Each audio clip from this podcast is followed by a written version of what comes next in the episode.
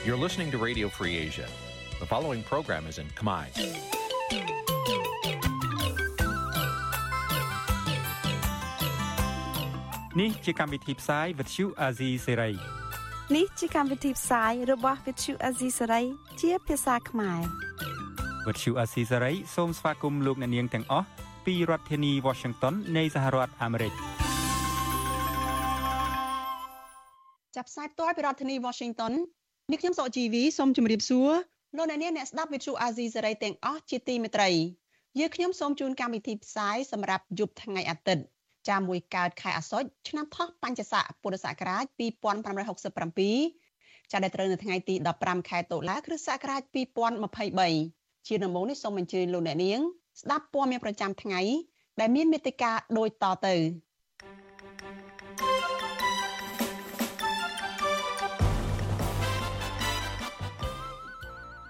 អ្នកវិភាគនយោបាយស្នើឲ្យលោកហ៊ុនម៉ាណែតផ្សះផ្សាជាតិស្របតាមបណ្ដាំរបស់អតីតព្រះមហាក្សត្រសកម្មជនបរិស្ថានរីគុណរដ្ឋាភិបាលដែលកាត់ដីឧស្សាហជាតិព្រះសីហនុរៀមទៅឲ្យក្រុមហ៊ុនចិនចំនួន4មនុស្ស25នាក់ស្លាប់នៅក្នុងគ្រោះថ្នាក់ចរាចរណ៍រយៈពេល3ថ្ងៃនៃពិធីបុណ្យភ្ជុំបិណ្ឌ ពលរដ្ឋជិត500គ្រួសារនៅខេត្តព្រះវិហារទាមទារឲ្យអាជ្ញាធរប្រគល់ដីដែលមានទំនាស់ជាមួយក្រុមហ៊ុនចិនទៅឲ្យពួកគេធ្វើជាម្ចាស់កម្មសិទ្ធិវិញរួមនឹងព័ត៌មានសំខាន់សំខាន់មួយចំនួនទៀតចាជាបន្តទៅទៀតនេះនាងខ្ញុំសុជីវីសូមជូនព័ត៌មានទាំងនេះពិស្ដាចលនានាងជាទីមេត្រីអ្នកវិភាគនយោបាយជំរុញឲ្យលោកហ៊ុនម៉ាណែតផ្សះផ្សាជាតិចាស្របទៅតាមបរិយាបណ្ដាំរបស់អតីតព្រះមហាក្សត្រព្រះបរមរតនកោដ្ឋព្រះបាទនរោត្តមសីហនុ មន្ត្រីគណៈបកប្រឆាំងយល់ឃើញថាដើម្បីផ្សះផ្សាជាតិលោកហ៊ុនម៉ាណែតមិនគួរបន្តធ្វើនយោបាយចាត់ទុកអ្នកដែលមាននិន្នាការផ្ទុយពីរដ្ឋាភិបាលថាជាសត្រូវនោះឡើយចាការលើកឡើងនេះធ្វើឡើងនៅក្នុងឱកាសដែលរដ្ឋាភិបាលប្រារព្ធខួប11ឆ្នាំនៃពិធីគោរពវិញ្ញាណក្ខន្ធព្រះបរមរតនកោដ្ឋនៅថ្ងៃទី15ខែតុលានេះ ចាជាមួយគ្នានេះចាលោកអ្នកនាងនឹងបានស្ដាប់បទសម្ភាសផ្ទាល់មួយចាជាមួយជនភៀសខ្លួនខ្មែរមួយរូបចាដែលកំពុងតែភៀសខ្លួននៅក្រៅប្រទេសចាដែលកញ្ញានឹងចូលមកជជែកតាក់ទងថាថាការផ្សះផ្សាជាតិបង្រួបបង្រួមជាតិរវាងអ្នកដែលមាននិន្នាការផ្ទុយនិងអ្នកដែលមាននិន្នាការស្របរដ្ឋាភិបាលនេះមានសារៈសំខាន់យ៉ាងណាសម្រាប់ប្រជាពលរដ្ឋខ្មែរទូទៅចាសូមអញ្ជើញលោកអ្នកនាងចារងតាមដានកិច្ចសម្ភាសនេះនិងសេចក្តីរាយការណ៍នេះនៅក្នុងការផ្សាយរបស់យើងនៅពេលបន្តិចទៀតនេះ កម្មវិធី Vithu Azizi ស្រីសម្រាប់ទូរស័ព្ទដៃអាចឲ្យលោកអ្នកនាង អានអត្ថបទទស្សនាវីដេអូនិងស្ដាប់ការផ្សាយផ្ទាល់ដោយឥតគិតថ្លៃនិងដោយគ្មានការរំខានដើម្បីអាននិងទស្សនាមេតិការថ្មីថ្មីពី Vithu Azizi ស្រីលោកអ្នកនាងគ្រាន់តែចុចបាល់កម្មវិធីរបស់ Vithu Azizi ស្រីដែលបានដំឡើងរួចរាល់លើទូរស័ព្ទដៃរបស់លោកអ្នកនាង។ ប្រសិនបើលោកអ្នកនាងចង់ស្ដាប់ការផ្សាយផ្ទាល់ឬការផ្សាយចាស់ចាស់សូមចុចលើប៊ូតុងរូបវិទ្យុដែលស្ថិតនៅផ្នែកខាងក្រោមនៃកម្មវិធីជាការស្ដាយ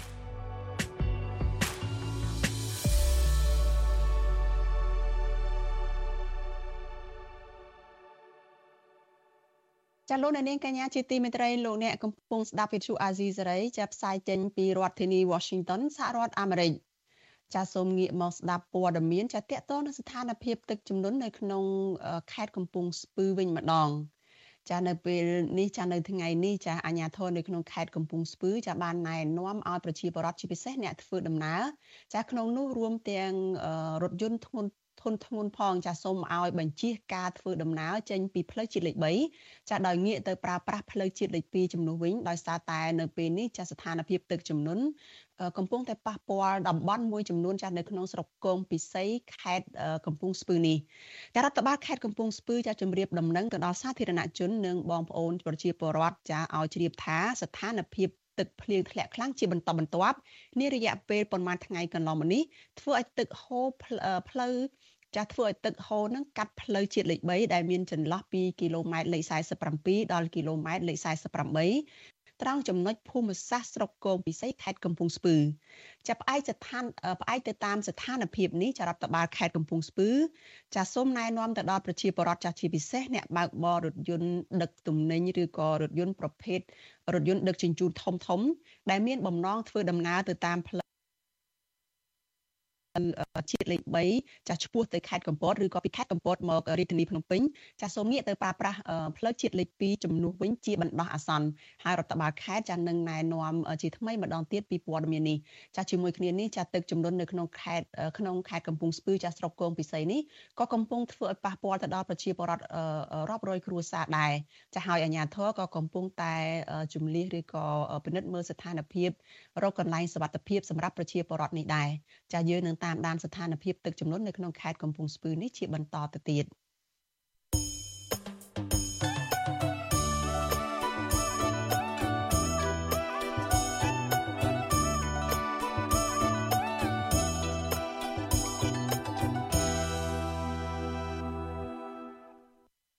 ចាលោកនាងកញ្ញាជាទីមេត្រីសេចក្តីរាយការណ៍ពីខេត្តប្រសេះហនុឲ្យដឹងថាសកម្មជនបរិស្ថានរិះគន់រដ្ឋាភិបាលដែលកាត់ជ្រៀលដីតំបន់ឧស្សាហជាតិសមុទ្រប្រសេះហនុរៀមចាប់ប្រមាណជាង26ហិកតាទៅឲ្យក្រុមហ៊ុនចិនចំនួន4ដើម្បីធ្វើជាកន្លែងទេសចរពួកគាត់សង្កេតឃើញថាគម្រោងវិនិយោគភាគច្រើនមិនបានផ្ដល់ផលប្រយោជន៍ទៅដល់ប្រជាពលរដ្ឋនៅមូលដ្ឋានទេហើយផ្ទុយទៅវិញ គឺជាការផ្ដល់សិទ្ធិអំណាចទៅឲ្យក្រុមហ៊ុនឯកជន បំផ្លិចបំផ្លាញធនធានធម្មជាតិនៅក្នុងតំបន់នោះទៅវិញទេចាលោកនៅវណ្ណរិនមានសេចក្តីរាយការណ៍អំពីរឿងនេះជូនលោកអ្នកនាងដូចតទៅសកម្មជនបរិស្ថានសោកស្ដាយដែលរដ្ឋាភិបាលនៅតែកាត់ដីឧស្សាហជាតិដែលការពារដោយច្បាប់សម្រាប់ការពារដែនធម្មជាតិនិងប្រព័ន្ធអេកូឡូស៊ីដើម្បីទុកជាប្រយោជន៍ឲ្យមនុស្សគ្រប់ជំនាន់ទៅឲ្យក្រុមហ៊ុនជាបន្តបន្ទាប់ ការលើកឡើងនេះគឺបន្ទាប់ពីអតីតនាយករដ្ឋមន្ត្រីហ៊ុនសែនបានចេញអនុក្រឹត្យកាលពីថ្ងៃទី30ខែឧសភាឆ្នាំ2023កាត់ជ្រៀលដីអូសៀនជាតិព្រះសីហនុរៀមទំហំជាង26ហិកតាស្ថិតនៅក្នុងឃុំរៀមស្រុកព្រៃនប់ខេត្តព្រះសីហនុទៅឲ្យក្រុមហ៊ុនចិនចំនួន4រួមមានក្រុមហ៊ុនសុយគូលែនក្រុមហ៊ុនស៊ីណូរៀមឡែនក្រុមហ៊ុនកូហ្វូឡែននិងក្រុមហ៊ុនអ៊ីជៀនជូទី ក្នុងចំណោមក្រុមហ៊ុនចិនទាំង4នោះមានក្រុមហ៊ុន3ដែលគ្រប់គ្រងដោយតកែចិនឈ្មោះវ៉ាងយីងសៀននិងអ៊ូឈឹងសៀវអនុក្រឹត្យដែលវិទ្យុអាស៊ីសេរីទៅទទួលបាននៅថ្ងៃទី15ខែតុលាបង្ហាញថាលោកហ៊ុនសែនបានកាត់ដីឧស្សាហជាតិព្រះសីហនុរៀមឲ្យក្រុមហ៊ុនឯកជនចំនួន3នេះដើម្បីយកទីនោះធ្វើជាកន្លែងអភិវឌ្ឍទេសចរ ក្រុមហ៊ុននីមួយៗ ទទួលបានដីចន្លោះពី6ហិកតាទៅ7ហិកតាក្នុងតំបន់ប្រែប្រាស់ដោយចេរភាពនៃអូសៀនជាតិសមុទ្រព្រះសីហនុរៀមក្រោមការចាត់ចែងរបស់ក្រសួងបរិស្ថានសកម្មជនមេដាធម្មជាតិកញ្ញាមានលីសាប្រាប់បទជួអាស៊ីសេរីនៅថ្ងៃទី15ខែតុលាថាកញ្ញាមានការព្រួយបារម្ភចំពោះគម្រោងវិនិយោគនៅតំបន់ឧស្សាហជាតិសមុទ្ររៀមនេះនឹងអាចបំផ្លាញជីវៈចម្រុះនិងប្រព័ន្ធអេកូទេសចរធម្មជាតិ អ្វីដែលរដ្ឋអាចធ្វើបានគឺសូមបង្ហាញពីភាពស្អាតស្អំរបស់ខ្លួនឯងជាមួយនឹងក្រុមហ៊ុនឯកជនទាំង4ហ្នឹងក្នុងការបង្ហាញថាការអភិវឌ្ឍហ្នឹងពិតជាការអភិវឌ្ឍបែបអេកូទេសចរហើយមិនប៉ះពាល់និងមិនប៉ះពាល់ដល់ប្រជាពលរដ្ឋក៏ដូចជាបរិស្ថាននៅទីនោះនឹងសូមបង្ហាញថាក្រុមហ៊ុនទាំង4ហ្នឹងនឹងអាចអភិវឌ្ឍបែបអេកូទេសចរនឹងជាគំរូទៅដល់អាការអភិវឌ្ឍក្រោយក្រោយទៀតវិទ្យុអាស៊ីសេរីមិនអាចតកតងអភិបាលខេត្តប្រសេហនុលោកគួចចម្រើន និងអ្នកនាំពាក្យក្រសួងបរិស្ថានលោកផៃប៊ុនឈឿនបាននៅឡើយនោះទេ នៅថ្ងៃទី15ខែតុលាជុំវិញបញ្ហានេះមន្ត្រីសម្របសម្រួលគម្រោងនៃសមាគមបណ្ដាញយុវជនកម្ពុជា លោកអូតឡាទីន មានប្រសាសន៍ថាការកាត់ដីនៅក្នុងតំបន់ឧឈានជាតិសមុទ្ររៀមឲ្យទៅក្រុមហ៊ុនឯកជនកាន់កាប់មិនមែនជាការផ្ដល់ប្រយោជន៍ឬការលើកកម្ពស់ជីវភាពប្រជាពលរដ្ឋដែលរស់នៅក្បែរតំបន់នោះទេ លោកសង្កេតឃើញថារដ្ឋាភិបាលចាស់និងរដ្ឋាភិបាលថ្មី ហាក់បរាជ័យនៅក្នុងការការពារព្រៃឈើនិងសម្បត្តិធម្មជាតិដែលធ្វើឲ្យធនធានទាំងនោះកាន់តែសឹករិចរិលការបន្តផ្ដល់សម្បទានដល់ក្រុមហ៊ុនឯកជន នៅក្នុងស្ថានភាពរបៀបនេះនៅក្នុងកលៈទេសៈនេះខ្ញុំគិតថា រដ្ឋាភិបាលគួរតែធ្វើការពិចារណាឡើងវិញហើយធ្វើយ៉ាងណាជំរុញឲ្យមានការអភិវឌ្ឍដោយសហគមន៍គឺជាអ្នកដឹកនាំហើយដោយរដ្ឋាភិបាលជាអ្នកធ្វើកិច្ចការងារជាមួយសហគមន៍ដល់ការគ្រប់គ្រងគ្រប់បែបយ៉ាងបច្ចេកទេសធនធានមនុស្សធនធានហិរញ្ញវត្ថុហើយធ្វើកិច្ចការងារជាមួយគ្នាជាមួយនឹងអាជ្ញាធរគឺថាធ្វើរបៀបនេះវាមាននិរន្តរភាពហើយប្រជាពលរដ្ឋអាចទទួលបានចំណូលផងកាលពីឆ្នាំ2019ក្រុមហ៊ុនដែលទទួលសិទ្ធិវិនិយោគកន្លែងទេសចរនៅតំបន់ឧទ្យានជាតិសមុទ្ររៀមនេះ ធ្លាប់មានប្រវត្តិរំលោភយកដីប្រជាពលរដ្ឋប្រមាណ200គ្រួសារនៅក្នុងតំបន់ព្រៃនប់ដែលធ្វើឲ្យប៉ះពាល់ដល់ដីស្រែចម្ការរបស់ពួកគេរាប់សិបហិកតាឧទ្យានជាតិព្រះសីហនុរៀមឬក្រោយមកប្រែទៅជាឧទ្យានជាតិសមុទ្រព្រះសីហនុរៀមបានចុះបញ្ជីជាតំបន់អភិរក្សដោយព្រះរាជកិច្ចព្រះបាទនរោត្តមសីហនុកាលពីឆ្នាំ1993ដែលមានទំហំផ្ទៃដីជិត40000ហិកតាកន្លងទៅ អាជ្ញាធរខេត្តព្រះសីហនុធ្លាប់រងការរិះគន់ពីសកម្មជនបរិស្ថាន និងមន្ត្រីការពារបរិស្ថានថាបណ្តែតបណ្ដោយឲ្យក្រុមឈ្មួញអចលនទ្រព្យលុបដីឆ្នេរឧស្សាហជាតិព្រះសីហនុរៀមដើម្បីពុះលោលក់ដែលធ្វើឲ្យប៉ះពាល់ដល់ជីវៈចម្រុះនិងប្រព័ន្ធអេកូឡូស៊ីក្នុងតំបន់ឆ្នេរខ្ញុំបាទនៅវណ្ណរិន with Chu Azizi Saray ពីរដ្ឋធានី Washington ចាលោកនាងកញ្ញាជាទីមេត្រីចាគ្រោះថ្នាក់ចរាចរណ៍ចានៅតែឆក់យកជីវិតប្រជាពលរដ្ឋខ្មែរចាច្រើននៅក្នុងពិធីបុណ្យភ្ជុំនៅក្នុងពិធីបុណ្យធំធំម្ដងម្ដងជាពិសេសនៅក្នុងពិធីពេល3ថ្ងៃនៃពិធីបុណ្យភ្ជុំបិណ្ឌនេះចាគឺមានពលរដ្ឋ20នាក់ ចាប់បានស្លាប់ដោយសារតែគ្រោះថ្នាក់ចរាចរណ៍នៅក្នុងរយៈពេលត្រឹមតែ3ថ្ងៃនៃថ្ងៃចុងក្រោយរបស់ពិធីបុណ្យភ្ជុំបិណ្ឌអឺកាន់បិណ្ឌនិងភ្ជុំបិណ្ឌនេះជាអ្នកជំនាញផ្នែកផ្នែកចរាចរណ៍បានលើកឡើងថាគ្រោះថ្នាក់ចរាចរណ៍នៅតែជាជំងឺរ៉ាំរ៉ៃមួយដែលឆក់យកជីវិតរបស់ពលរដ្ឋកម្ពុជាជារៀងរាល់ថ្ងៃ ជាពិសេសនៅក្នុងរដូវបុណ្យទានម្ដងម្ដងនេះ ចាលោកអ្នកនាងនឹងបានស្ដាប់សេចក្តីរាយការណ៍នេះនៅក្នុងការផ្សាយរបស់យើងនៅពេលបន្តិចទៀតនេះចាជាមួយគ្នានេះនាងខ្ញុំក៏នឹងមានសម្ភារផ្ទាល់មួយជាមួយនឹងអ្នកជំនាញផ្នែកចរាចរណ៍ចាថាតើយើងសិក្សាបានអ្វីខ្លះចាប់ពីគ្រោះថ្នាក់នៅក្នុងពិធីបុណ្យភ្ជុំបិណ្ឌដែលទើបតែបញ្ចប់នៅពេលនេះចាសសូមអញ្ជើញលោកនាងចារងចាំតាមដានសេចក្តីរាយការណ៍នេះនិងកិច្ចពិភាក្សានេះនៅក្នុងការផ្សាយរបស់យើងនៅពេលបន្តិចទៀតនេះ អ្វីរដ្ឋពលីថាលើនេះគាត់លែងជានាយករដ្ឋមន្ត្រីទៀតហើយនឹងអ្វីដែលលើកមកនឹងក៏ជាគំរូទៅដែរសង្ឃឹមថាកូនប្រុសរបស់គាត់នេះមើលឃើញគំរូខ្លះហើយប្រះចាអាកន្លងខ្ញុំដឹងហើយកូនត្រូវតែគោរពឪពុកគោរពម្ដាយក៏ប៉ុន្តែក្នុងនាមជាមេដឹកនាំក៏ត្រូវមានអឺការយកចិត្តទុកដាក់មានការយល់ដឹងបែបណា ដើម្បីរកថែរក្សាលើកស្ទួយ ប្រជាពលរដ្ឋដែលខ្លួនត្រូវតែថែរក្សាអឺយើងឃើញលោកហ៊ុនសែននេះដែលជានាយករដ្ឋមន្ត្រីឪនេះ លោកហ៊ុនសែនជាឪពុកនឹងល្អណាស់គឺថាកូននីមួយនីមួយនឹងគឺថាអ្នកណាក៏ដោយកូនបកើតក៏ដោយកូនប្រសាក៏ដោយ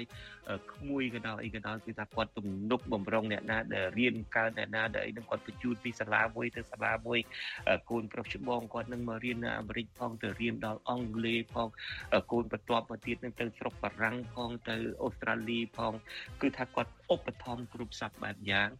មុននឹងលើកជើងពៀនឲ្យកូនធ្វើជានាយករដ្ឋមន្ត្រីនេះគាត់បោះសម្អាតខ្ទេចខ្ទីឲ្យធ្វើយ៉ាងណា ដើម្បីឲ្យកូនគាត់ឡើងទៅ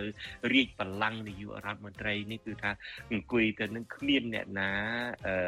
អាចតវ៉ាបានទេតាំងពីផ្លូវច្បាប់តាំងពីអីគាត់ត្រូវដូររដ្ឋតបដិញដូររដ្ឋតបដិញបើគាត់ត្រូវការដូរច្បាប់បោះឆ្នោតច្បាប់គណៈបកនយោបាយគាត់ដូរធ្វើយ៉ាងណាក៏ដោយដើម្បីគ្រោះត្រាយផ្លូវឲ្យកូនគាត់ មានអំណាចគ្រប់គ្រងលើដែនដីកម្ពុជានេះដោយគ្មានគូ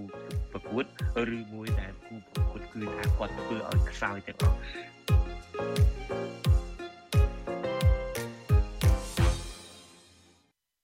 ចាលោកនាងកញ្ញាប្រិយមិត្តជាទីមេត្រីចាកម្មវិធី podcast របស់ Vithu Azizi សេរីចាដែលរៀបចំដោយលោកជុនច័ន្ទបុតនិងលោកសំពូលីនេះចាបានចាក់ផ្សាយរួចហើយនៅលើប្រព័ន្ធ podcast ចានៅព្រឹកថ្ងៃសៅរ៍ម្សិលមិញចាមកនៅកម្ពុជាចាប្រសិនបើលោកនាងខកខានមិនទាន់បានចូលទៅស្ដាប់កម្មវិធី podcast របស់ Vithu Azizi សេរីនេះទេចាសូមអញ្ជើញលោកនាងចាវាយពាក្យថាកម្ពុជាសប្តាហ៍នេះនៅក្នុងប្រអប់ស្វែងរកនៅលើប្រព័ន្ធ podcast មួយចំនួនចាដូចជា podcast របស់ Google podcast អឺ និងបណ្ដាញ podcast មួយចំនួនទៀតដូចជា Spotify ជាដើមចាលោកអ្នកនាងគ្រាន់តែវាពាក្យនេះទៅចាលោកអ្នកនាងអាចចូលទៅស្ដាប់បានហើយប៉ុន្តែប្រសិនបើលោកអ្នកនាងមិនបានស្ដាប់នៅលើបណ្ដាញប្រព័ន្ធ podcast នោះទេចាលោកអ្នកនាងក៏អាចងាកមកស្ដាប់កម្មវិធីចាក់ផ្សាយឡើងវិញចាកម្មវិធី podcast របស់វិទ្យុអាស៊ីសេរីនេះចានៅរៀងរាល់យប់ថ្ងៃច័ន្ទចានៅក្នុងកម្មវិធីផ្សាយព័ត៌មានរបស់វិទ្យុអាស៊ីសេរីចាយើងនឹងមានចាក់ផ្សាយឡើងវិញនៅរៀងរាល់យប់ថ្ងៃច័ន្ទចាសូមអញ្ជើញលោកនាងចារងចាំតាមដានកម្មវិធី podcast នេះកុំបីខានចាសូមអរគុណចលនានាងកញ្ញាជាទីមេត្រីចាយើងងាកមកព័ត៌មានតកតងនឹងចំនួនដីធ្លីឬក៏បញ្ហារបស់ជនជាតិដើមភាគតិចវិញម្ដង ចាទំនាស់ដីធ្លីរវាងជនជាតិដើមភាគតិចគួយជាមួយនឹងក្រុមហ៊ុនដីសម្បត្តិសេដ្ឋកិច្ចរបស់ចិនដែលដាំដំណាំអំពៅនៅឯខេត្តព្រះវិហារបានអូសបន្លាយតាំងតែពីអំឡុងឆ្នាំ2012រហូតមកដល់ពេលបច្ចុប្បន្ននេះនៅតែមិនទាន់មានដំណោះស្រាយសមរម្យនៅឡើយទេក្រមប្រជាពលរដ្ឋដែលខ្វះដីធ្លីធ្វើកសិកម្មនៅក្នុងតំបន់ដីសម្បត្តិសេដ្ឋកិច្ចរបស់ក្រុមហ៊ុនចិននោះនៅតែបន្តទាមទារឲ្យរដ្ឋាភិបាលចាជាពិសេសអាជ្ញាធរនៅក្នុងខេត្តព្រះវិហារ ប្រគល់ដីមកឲ្យពួកគេវិញដើម្បីបានធ្វើជាទីវាលចិញ្ចឹមសត្វនិងធ្វើស្រែចម្ការចិញ្ចឹមជីវិតតទៅទៀតចាលោកជាតិចំណានមានសេចក្តីរាយការណ៍អំពីរឿងនេះជូនលោកអ្នកនាងដូចតទៅសហគមន៍ជនជាតិដើមភាគតិចគួយនិងប្រជាពលរដ្ឋចំនួនជាង470គ្រួសាររស់នៅក្នុងស្រុកជ័យសែនស្រុកឆែបនិងស្រុកត្បៃមានជ័យក្នុងខេត្តព្រះវិហារដែលមានទំនាស់ដីធ្លីជាមួយនឹងក្រុមហ៊ុនចិនជាយូរមកហើយនោះនៅតែទទូចឲ្យអាជ្ញាធរខេត្តនេះចុះបញ្ជីដីធ្លីជារួម និងធ្វើបានកម្មសិទ្ធិឯកជនដល់ពួកគេដើម្បីឲ្យពួកគេមានសិទ្ធិចូលទៅយកដីខ្លះក្នុងតំបន់ទំនាស់នោះមកប្រើប្រាស់ឡើងវិញការទៀមទារបស់សហគមន៍ប្រជាពលរដ្ឋនិងជនជាតិដើមភាគតិចគួយនេះធ្វើឡើងនៅពេលដែលគេដឹងថាក្រុមហ៊ុនចិនដែលធ្លាប់តែពង្រីកដីសម្បត្តិសេដ្ឋកិច្ចដើម្បីដាំអំពៅទាំងនោះបានផ្អាកសកម្មភាពរយៈពេល2ទៅ3ឆ្នាំមកហើយដោយមិនដឹងមូលហេតុរហូតដល់ដីខ្លះត្រូវបានឈ្មោះយកទៅជួលឲ្យប្រជាពលរដ្ឋធ្វើស្រែចម្ការក៏មាន។ តំណាងសហគមន៍នៅក្នុងស្រុកជ័យសែនអ្នកស្រីហួតម៉ាលីមានប្រសាសន៍ថាប្រជាពលរដ្ឋប្រមាណ60គ្រួសារដែលរស់នៅចំនួន3ឃុំគឺឃុំបោះពុត្រាឃុំស្អាងនិងឃុំតស៊ូបានរងការប៉ះពាល់ដីធ្លីដែលជាសម្បត្តិរបស់សហគមន៍ទំហំជាង10ហិកតាជាមួយនឹងក្រុមហ៊ុនចិនឈ្មោះហេងណុងតាំងពីឆ្នាំ2013មកការប៉ះពាល់ដីធ្លីរបស់សហគមន៍នេះបានធ្វើឲ្យប្រជាពលរដ្ឋបាត់បង់វាស្មៅសម្រាប់ចិញ្ចឹមសត្វគោក្របីទាំងស្រុងអ្នកស្រីហ៊ុតម៉ាលីមានប្រសាសន៍ទៀតថាជាច្រើនឆ្នាំមកហើយ ប្រជាពលរដ្ឋនិងសហគមន៍តែងតែដាក់ពាក្យបណ្ដឹងទាមទារទៅក្រសួងរៀបចំដែនដីនគររូបនីយកម្មនិងសំណង់ទៅអាជ្ញាធរខេត្តព្រះវិហារនិងអាជ្ញាធរស្រុកជ័យសែនក៏ប៉ុន្តែនៅតែគ្មានដំណោះស្រាយ។ ក្រុមហ៊ុនស្កមតចិនមានបញ្ហានៃរួមអ្នកភូមិជាគោកាលចាប់ដើមជួដំបងខាងអាជ្ញាធរក៏ទុកស្រាប់ទៅវាជា200ហាត់ដែរគ្រាន់តែថានៅក្នុងនោះប្រជាពលរដ្ឋមានប្លង់រឹងប្លង់អីទៅក៏កាត់បុកទាំងអស់ដែរដល់ដកចេញទៅបាត់ទាំង10%ដល់ឃុំវត្តទុកបាត់ទាំងដីគ្រាគោ10ហាត់ជាងដែលស្រែនៅកន្លែងនោះយាមចាត់ផលហើយស្រ័យផលផលដល់ដល់ក៏មានដីធំធំចឹងទៅក៏ធ្វើស្រែខ្លះក៏ចង់គូចឹងអីនៅក្បែរស្រែពួកគាត់ដល់ពេលគាត់បាត់បង់ឲ្យចឹងទៅគោក៏គ្មានកន្លែងចង់ដែរតែក៏គាត់បាត់បង់តំណាងសហគមន៍នៅឃុំសង្កែ2ស្រុកឆែបលោកជុំភឿតមានប្រសាសន៍ថាប្រជាពលរដ្ឋនៅក្នុងឃុំរបស់លោកមានប្រមាណចំនួន48គ្រួសារបានរងផលប៉ះពាល់ដោយសារតែទំនាស់ដីធ្លីទំហំជាង111ហិកតាជាមួយនឹងក្រុមហ៊ុនចិនឈ្មោះហេងហ្វូតាំងពីឆ្នាំ2012មកបច្ចុប្បន្ននេះ បើទោះបីជាក្រុមហ៊ុនចិនដែលទទួលបានដីសម្បត្តិសេដ្ឋកិច្ចពីរដ្ឋាភិបាលបានផ្អាកដំណើរការហើយក៏ដោយក៏ប្រជាពលរដ្ឋនៅឃុំសង្កែ2មិនអាចចូលទៅកាប់គាស់ដើម្បីធ្វើស្រែចម្ការឡើងវិញបាននោះទេលោកជុំសុភឿនមានប្រសាសន៍ថាដោយសារតែប្រជាពលរដ្ឋខ្លះនៅក្នុងឃុំរបស់លោកគ្មានដីធ្វើកសិកម្មហើយរងចាំអាជ្ញាធរដោះស្រាយមិនមានលទ្ធផលគឺក្រមប្រជាពលរដ្ឋខ្លះក៏បង្ខំចិត្តចូលទៅធ្វើស្រែចម្ការនៅលើដីទំនាស់នោះឡើងវិញហើយនៅពេលដែលប្រជាពលរដ្ឋខ្លះចូលទៅធ្វើស្រែចម្ការនៅលើដីដែលមានទំនាស់ឡើងវិញនោះ ស្រាប់តែមានឈ្មោះខ្លះបានចេញមុខមករារាំងឬក៏មកតម្រូវឲ្យអ្នកភូមិបង់លុយជាធ្នូជួលដីនោះទៅវិញក្រុមហ៊ុនស្គមបោហេងហ្វូនោះគឺគេឈប់ធ្វើតែទឹកដីនោះស្រាប់ឲ្យឈ្មួញកណ្ដាលកជួលនៅក្នុងហាត់តាម40ម៉ឺនអញ្ចឹងទៅតាមប្រភេទដីខ្ពស់ដីទាបដីនាមអីណា ជាកសិករក៏បានចូលទៅកាន់កាប់វិញតែក៏បានទទួលបានកម្មសិទ្ធិណាមួយបញ្ជាក់ថាបានមកគាត់វិញអញ្ចឹងណាតែក្រុមខ្លះគាត់មកមានហែងថាកុំឲ្យប្រជាពលរដ្ឋចូលដីរបស់គេអញ្ចឹងណាហ៊ានទៅចូលគឺត្រូវការជួលត្រូវការបងប្រាក់មិនអោយធ្វើមានអោយគាត់ប្រាប់ចញ្ញាធរមានការដេញចេញបើសិនដាំតលងដាំអីក៏អោយលក់ដល់ក្រុមហ៊ុនចិនអញ្ចឹងទៅបើយើងលក់ទៅក៏មានការរារាំងជាមួយគ្នានេះដែរ តំណាងសហគមន៍ជនជាតិដើមភាគតិចគួយដែលរស់នៅឃុំប្រមេស្រុកត្បៃមានជ័យមានប្រសាសន៍ថានៅក្នុងសហគមន៍របស់លោកដែលមានប្រជាពលរដ្ឋរស់នៅចំនួន3ភូមិគឺភូមិប្រមេភូមិស្រែព្រៀងនិងភូមិបោះធំចំនួន367គ្រួសារបានប៉ះពាល់ទៅលើដីសហគមន៍និងដីកម្មសិទ្ធិរបស់ប្រជាពលរដ្ឋដែលមានទំហំជាង8000ហិកតាជាមួយនឹងក្រុមហ៊ុនចិនឈ្មោះឡាងហ្វេងលោកសិទ្ធសវនមានប្រសាសន៍ទៀតថាកន្លងមកសហគមន៍ធ្លាប់ទាមទារទៅអាជ្ញាធរឲ្យចុះបញ្ជីដីជាសមូហភាពសម្រាប់ពួកគាត់ ក៏ប៉ុន្តែរហូតមកដល់បច្ចុប្បន្នមិនត្រឹមតែអាជ្ញាធរមិនដោះស្រាយប៉ុណ្ណោះទេបែរជាមានអ្នកមានលុយមានអំណាចខ្លះមកធ្វើបានកម្មសិទ្ធិជន់នៅលើដីសហគមន៍ដែលកំពុងទាមទារនោះថែមទៀតផង។ ព្រួយបារម្ភនឹងការបាត់បង់នៅដីធ្លីដោយសារមិនទាន់មានការចុះជីដីជាកម្មសិទ្ធិទៅសាលាស្រុកផ្សេងផ្សេងដល់តុលាការដល់ស្នងការខេត្តថាយើងមិនមានប្លង់មិនមានអីជាសម្អាងអញ្ចឹងទេខាងស្រុកខាងអីគេថាយើងនឹងកាន់កាប់ដីខុសច្បាប់អញ្ចឹងទេខាងស្រុកឬខាងខេត្តអីផ្សេងផ្សេងគាត់ថាយើងនឹងប្រគល់ដីទៅអុយអ្នកដែលមានប្លង់រឹងទៅហើយដីនឹងគឺយើងប្រើប្រាស់ខុសច្បាប់ហើយប៉ុន្តែជាក់ស្ដែងគឺគាត់ប្រើប្រាស់តាមពេលនេះរបស់ពួកគាត់ទេហើយដីជាអ្នកខាងក្រៅមកធ្វើប្លង់ធ្វើអីជន់លើដីយើងអញ្ចឹងវាវាជាបញ្ហាដែលលំបាកសម្រាប់ក្រុមសហគមន៍បាទក្រុមសហគមន៍ដែលមានទម្លាស់ដីធ្លីនៅក្នុងស្រុកទាំង3ក្នុងខេត្តព្រះវិហារបានឲ្យដឹងប្រហាក់ប្រហែលគ្នាថាចាប់តាំងពីមានទំនាស់ជាមួយនឹងក្រុមហ៊ុនដីសម្បត្តិសេដ្ឋកិច្ចរបស់ចិនជាច្រើនឆ្នាំមកនេះពួកគាត់ធ្លាប់បានប្តឹងនិងទាមទារអាជ្ញាធររដ្ឋាភិបាលជួយដោះស្រាយជាច្រើនលើកច្រើនសារក៏ប៉ុន្តែអាជ្ញាធរបែរជាគម្រាមកំហែងតាមពាក្យសម្ដីនិងតាមរយៈតុលាការជំនួសឲ្យការដោះស្រាយទៅវិញ ចាប់តាំងពីអំឡុងឆ្នាំ2012មកក្រុមហ៊ុនចិនចំនួន5បានទទួលដីសម្បត្តិសេដ្ឋកិច្ចពីរដ្ឋាភិបាលកម្ពុជា ទំហំប្រមាណ40000ហិកតានៅខេត្តព្រះវិហារដើម្បីដាំដើមកាស្យានិងដាំអំពៅក្រុមហ៊ុនទាំងនោះមានដូចជាក្រុមហ៊ុនឡាងហ្វេងហួយហ្វេងហេងហ្វូនិងក្រុមហ៊ុនហេងណុងជាដើមមន្ត្រីសម្របសម្រួលកម្មវិធីសហគមន៍ជាន់ខ្ពស់របស់សមាគមការពារសិទ្ធិមនុស្សលោកប៉ែនវណ្ណាមានប្រសាសន៍ថាកន្លងមកឬទំនាស់ដីធ្លីរវាងប្រជាពលរដ្ឋនិងក្រុមហ៊ុនដីសម្បត្តិសេដ្ឋកិច្ចនេះ គឺអាជ្ញាធរខ្លះមិនមានឆន្ទៈដោះស្រាយជូនប្រជាពលរដ្ឋនោះទេដោយកន្លែងខ្លះអាជ្ញាធរអាចធ្វើរបាយការណ៍កុហកភូតផលទៅប្រមុខរដ្ឋាភិបាលដែលជាថ្នាក់លើរបស់ខ្លួនហើយបែរជានាំគ្នាកាត់ដីក្រុមហ៊ុនធ្វើជាកម្មសិទ្ធិសម្រាប់ផ្ទាល់ខ្លួននិងបពពួកជាដើម។ មុនផ្ដល់ក្រុមហ៊ុនតាមប្រទេសនឹងត្រូវតែសិក្សាជាមួយអាជ្ញាធរតាមច្បាប់លាស់ត្រូវកាត់ចេញដីដែលប្រជាប្រដ្ឋអាស្រ័យផលទោះបីមិនខ្លាយជាកម្មសិទ្ធិមែនក៏ប៉ុន្តែលោកបានអាស្រ័យផលហើយក៏ប៉ុន្តែយើងឃើញថាផ្ទុយទៅវិញក្រុមហ៊ុននិងអាជ្ញាធរមិនដែលប្រើគោលការណ៍ហ្នឹងទេតែតែឈ្វាយកដីដែលប៉ះពាល់ប្រជាប្រដ្ឋហ្នឹងយកមកចូលទៅក្នុងនឹងដីសម្បត្តិទៅគេខ្លួនឯងទៀតទៅប៉ះពាល់ជីវភាពរបស់ប្រជាពលរដ្ឋមិនត្រឹមប៉ុណ្្នឹងទេយើងឃើញថាមានកន្លែងខ្លះរហូតដល់ឈ្វាលហើយអាដីកន្លែងណាល្អល្អអាចត្រូវរើភាពបង្កើតជាកម្មសិទ្ធិឯកជនខ្លួនឯងថែមទៀតរឿងនេះមានច្រើនជាច្រើនឆ្នាំមកនេះក្រុមហ៊ុនចិនដែលទទួលបានដីសម្បត្តិសេដ្ឋកិច្ចនៅខេត្តព្រះវិហារមិនត្រឹមតែធ្វើឲ្យប៉ះពាល់ដល់ជីវភាពរបស់ប្រជាពលរដ្ឋនោះទេក្រុមហ៊ុនចិនទាំងនេះក៏បានធ្វើឲ្យប៉ះពាល់ដល់ជីវៈចម្រុះធម្មជាតិដោយសារតែការឈូសឆាយដីព្រៃឈើព្រមទាំងពេលខ្លះក៏ធ្លាប់បង្ហូរសារធាតុពុលទៅតាមទឹកលូនិងស្ទឹងដែលធ្វើឲ្យប៉ះពាល់ដល់បរិស្ថាននិងមច្ឆជាតិផងដែរខ្ញុំបាទជាតិចំណាន Visual Society ប្រធានាទី Washington លោកនាងកញ្ញាជាទីមេត្រីចាអ្នកវិភាគនយោបាយជំរុញឲ្យលោកហ៊ុនម៉ាណែតចាប់ផ្សះផ្សាជាតិស្របតាមប្រតិបណ្ដាំរបស់អតីតព្រះមហាក្សត្រព្រះបាទនរោត្តមសីហនុ មន្ត្រីគណៈបកប្រឆាំងយល់ឃើញថាដើម្បីផ្សះផ្សាជាតិបានលោកហ៊ុនម៉ាណែតមិនគួរបន្តការធ្វើនយោបាយចាត់ទុកអ្នកដែលមាននិន្នាការផ្ទុយរបស់រដ្ឋាភិបាលនោះគឺជាសត្រូវនោះឡើយ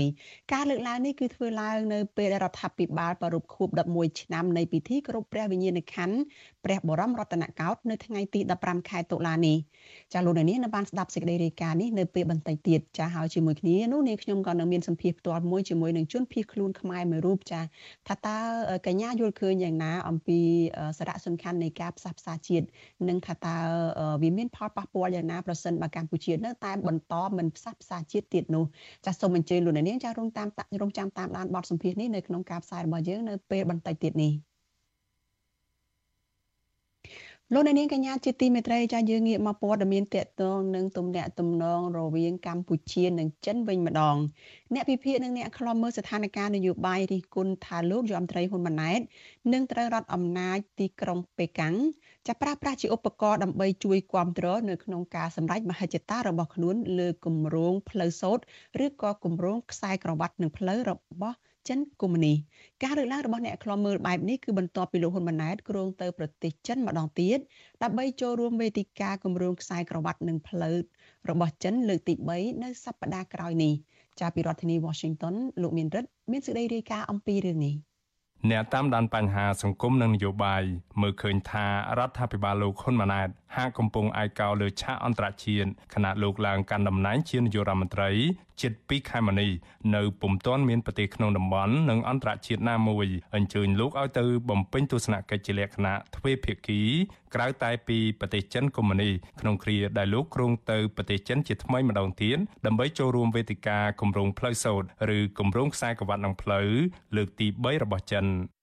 អ្នកវិភាគនយោបាយលោកកឹមសុខប្រាវិសុវស៊ីស្រីនៅថ្ងៃទី15ខែតុលាថាគម្រោងផ្លូវសូត្ររបស់ចិនអាចជួយជំរុញសេដ្ឋកិច្ចនិងជួយជំរុញឲ្យកម្ពុជាទទួលបានការអភិវឌ្ឍមួយកម្រិតទៀតប្រសិនបើរដ្ឋាភិបាលរក្សាជំហរនយោបាយដោយអព្យាក្រឹតនិងគ្មានការប្រព្រឹត្តអំពើពុករលួយនោះក៏ប៉ុន្តែលោកថាប្រសិនបើរដ្ឋាភិបាលលោកហ៊ុនម៉ាណែតនៅតែបន្តគ្រប់គ្រងគម្រោងផ្លូវសូត្ររបស់ចិនដោយគ្មានកិត្តគូពីដំណាភាពនោះ នោះកម្ពុជាមិនត្រឹមតែគ្មានការអភិវឌ្ឍជាតិប្រកបដោយចីរភាពនិងធ្វើឲ្យសង្គមមិនទទួលបានអភិបាលកិច្ចល្អនៅក្នុងគម្រោងផ្លូវសូត្ររបស់ចិនតែប៉ុណ្ណោះទេក៏ប៉ុន្តែថែមទាំងនាំឲ្យកម្ពុជាធ្លាក់ចូលក្នុងអន្ទាក់បំណុលរបស់ចិនវ៉ាន់កដកខ្លួនមិនរួចថែមទៀតផង ផលវិបាកធំបំផុតរបស់កម្ពុជាពីការសង់ផ្លូវសូត្រនេះនៅពេលដែលរដ្ឋាភិបាលហ៊ុនម៉ាណែតគិតតែផលប្រយោជន៍អំណាចគឺធ្វើឲ្យកម្ពុជាធ្លាក់ក្នុងអន្ទាក់បំណុលរបស់ចិនកាន់តែធំហើយចំពេលដែលរដ្ឋាភិបាលហ៊ុនម៉ាណែតនឹងពុក រលួយថែមទៀតនោះផ្លូវសូត្រនេះវាទៅជាបំរើតែផលប្រយោជន៍នៃការដឹកវត្ថុធាតុដើមធនធានធម្មជាតិរបស់កម្ពុជាទៅប្រទេសចិនហើយក៏ជាផ្លូវនាំទំនិញចិនចូលមកលក់ក្នុងកម្ពុជានិងប្រទេសនៅក្នុងតំបន់អាស៊ានតែប៉ុណ្ណោះ ក្រសួងការបរទេសកម្ពុជា កាលពីថ្ងៃទី14ខែតុលាប្រកាសថាលោកនាយរដ្ឋមន្ត្រីហ៊ុនម៉ាណែតនឹងទៅចូលរួមក្នុងវេទិកាគម្រោងខ្សែក្រវ៉ាត់នឹងផ្លូវ BRI លើកទី3នៅប្រទេសចិន ចាប់ពីថ្ងៃទី17ដល់ថ្ងៃទី18ខែតុលាលោកហ៊ុនម៉ាណែតក្រុងនឹងថ្លែងសន្ទរកថាស្ដីពីសេដ្ឋកិច្ច Digital ក្រៅពីនេះលោកក៏នឹងមានជំនួបទ្វេភាគីជាមួយប្រធានាធិបតីចិន លោកស៊ីជីនពីងនិងមន្ត្រីក្រាក់ក្រាក់របស់ចិនមួយចំនួនទៀត កាលពីពាក់កណ្ដាលខែកញ្ញាលោកហ៊ុនម៉ាណែតក៏បានទៅជួបប្រធានាធិបតីចិនលោកស៊ីជីនពីងនិងនាយករដ្ឋមន្ត្រីចិនម្ដងរួចមកហើយដើម្បីស្នើឲ្យចិន បន្តជួយគ្រប់គ្រងនយោបាយការទូតនិងសេដ្ឋកិច្ចក្រោមការដឹកនាំរបស់លោក ជាថ្នូវនឹងការសន្យាថាកម្ពុជានឹងបន្តអនុវត្តគោលនយោបាយចិនតែមួយនិងចាត់ទុកសំណុំរឿងនៅតំបន់ហុងកុងតៃវ៉ាន់និងតំបន់ស៊ីនជៀងជាកិច្ចការផ្ទៃក្នុងរបស់ចិន ទន្ទឹមនឹងនោះលោកក៏បានសន្យាបន្ស៊ីគ្នារវាងយុទ្ធសាស្ត្រខ្សែក្រវ៉ាត់និងផ្លូវ BRI របស់ចិនជាមួយនឹងយុទ្ធសាស្ត្របញ្ចកោណរបស់រដ្ឋាភិបាលកម្ពុជាអាណត្តិថ្មី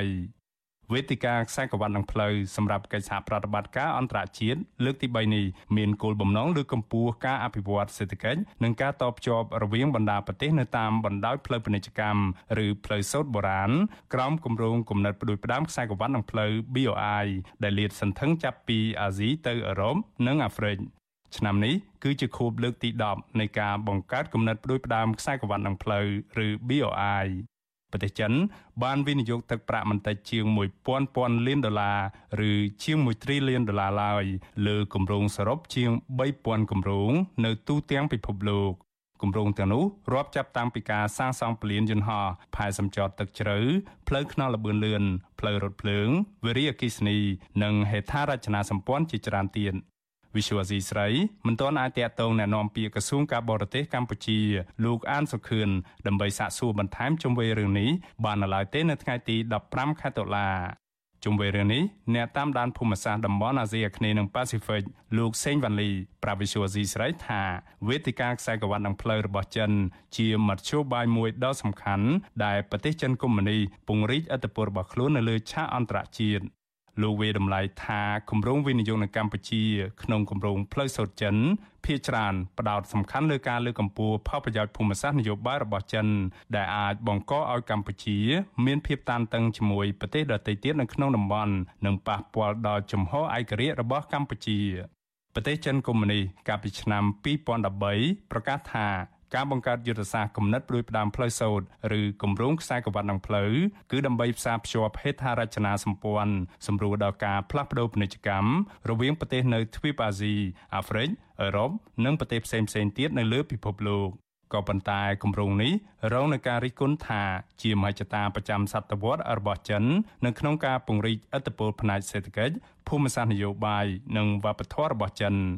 លើពីនេះទៀតក្រុមអ្នកខ្លាំមើលរិះគន់ថាគម្រោងនេះក៏ជាយុទ្ធសាស្ត្រស្រូបទាញប្រទេសកំពុងអភិវឌ្ឍឲ្យជាប់អន្ទាក់បំណុលចិនវ័នកតាមរយៈការស្នើសុំកម្ចីពីប្រទេសចិនសម្រាប់អភិវឌ្ឍប្រទេសរបស់ពួកគេខណៈរដ្ឋអំណាចក្រុងប៉េកាំងទទួលបានផលចំណេញកប់ក្តោងដោយសារតែប្រទេសក្រីក្រភាគច្រើនរួមទាំងកម្ពុជាផង ស្នើសុំកម្ចីរបស់ចិន សាងសង់ផ្លូវនិងស្ពាននោះក្រុមហ៊ុនឯកជនរបស់ចិន គឺជាអ្នករ៉ាប់រងនៅក្នុងការសាងសង់ នេះមានន័យថាប្រាក់កម្ចីដែលប្រទេសក្រីក្រខ្ចីពីចិនយកទៅកសាងជាតិនឹងត្រឡប់ចូលទៅប្រទេសចិនវិញដដែលខណៈប្រព័ន្ធហេដ្ឋារចនាសម្ព័ន្ធមួយចំនួននៅក្នុងប្រទេសក្រីក្រទាំងនោះរួមទាំងកម្ពុជាផង ដែលសាងសង់ដោយក្រុមហ៊ុនចិន គឺគ្មានគុណភាព និងគ្មានតម្លាភាព អ្នកតាមដានភូមិសាស្ត្រតំបន់អាស៊ីអាគ្នេយ៍និងប៉ាស៊ីហ្វិកលោកសេងវ៉ាន់លីមានប្រសាសន៍ថាការដែលកម្ពុជាផ្ដោតសំខាន់លើកិច្ចសហប្រតិបត្តិការតែជាមួយប្រទេសចិនខ្លាំងពេកដោយគ្មានឆន្ទៈធ្វើកំណែទម្រង់ស៊ីជម្រៅលើអភិបាលកិច្ចផ្ទៃក្នុងលើកម្ពុជាសិទ្ធិសេរីភាពនយោបាយការគោរពសិទ្ធិមនុស្សនិងជំរុញយន្តការត្រួតពិនិត្យលើប្រាក់កម្ចីចិនប្រកបដោយតម្លាភាពនោះទេ នោះការនេះនឹងជះឥទ្ធិពលអវិជ្ជមានដល់កម្ពុជាក្នុងរយៈពេលវែងនិងបង្កើនបំណុលជាតិកាន់តែខ្លាំងឡើងខ្ញុំបានមេរិត Visual C ស្រីពីរដ្ឋធានី Washington ចាលោកនាងកញ្ញាជាទីមេត្រីចាយើងងាកទៅព័ត៌មានតកតងនឹងគ្រោះថ្នាក់ចរាចរណ៍នៅក្នុងពិធីបុណ្យភ្ជុំបិណ្ឌដែលទើបតែបញ្ចប់នេះចាគ្រោះថ្នាក់ចរាចរណ៍បានឆក់យកជីវិតមនុស្សជាង20នាក់ចាត្រឹមតែរយៈពេល3ថ្ងៃចុងក្រោយនៃពិធីបុណ្យភ្ជុំបិណ្ឌ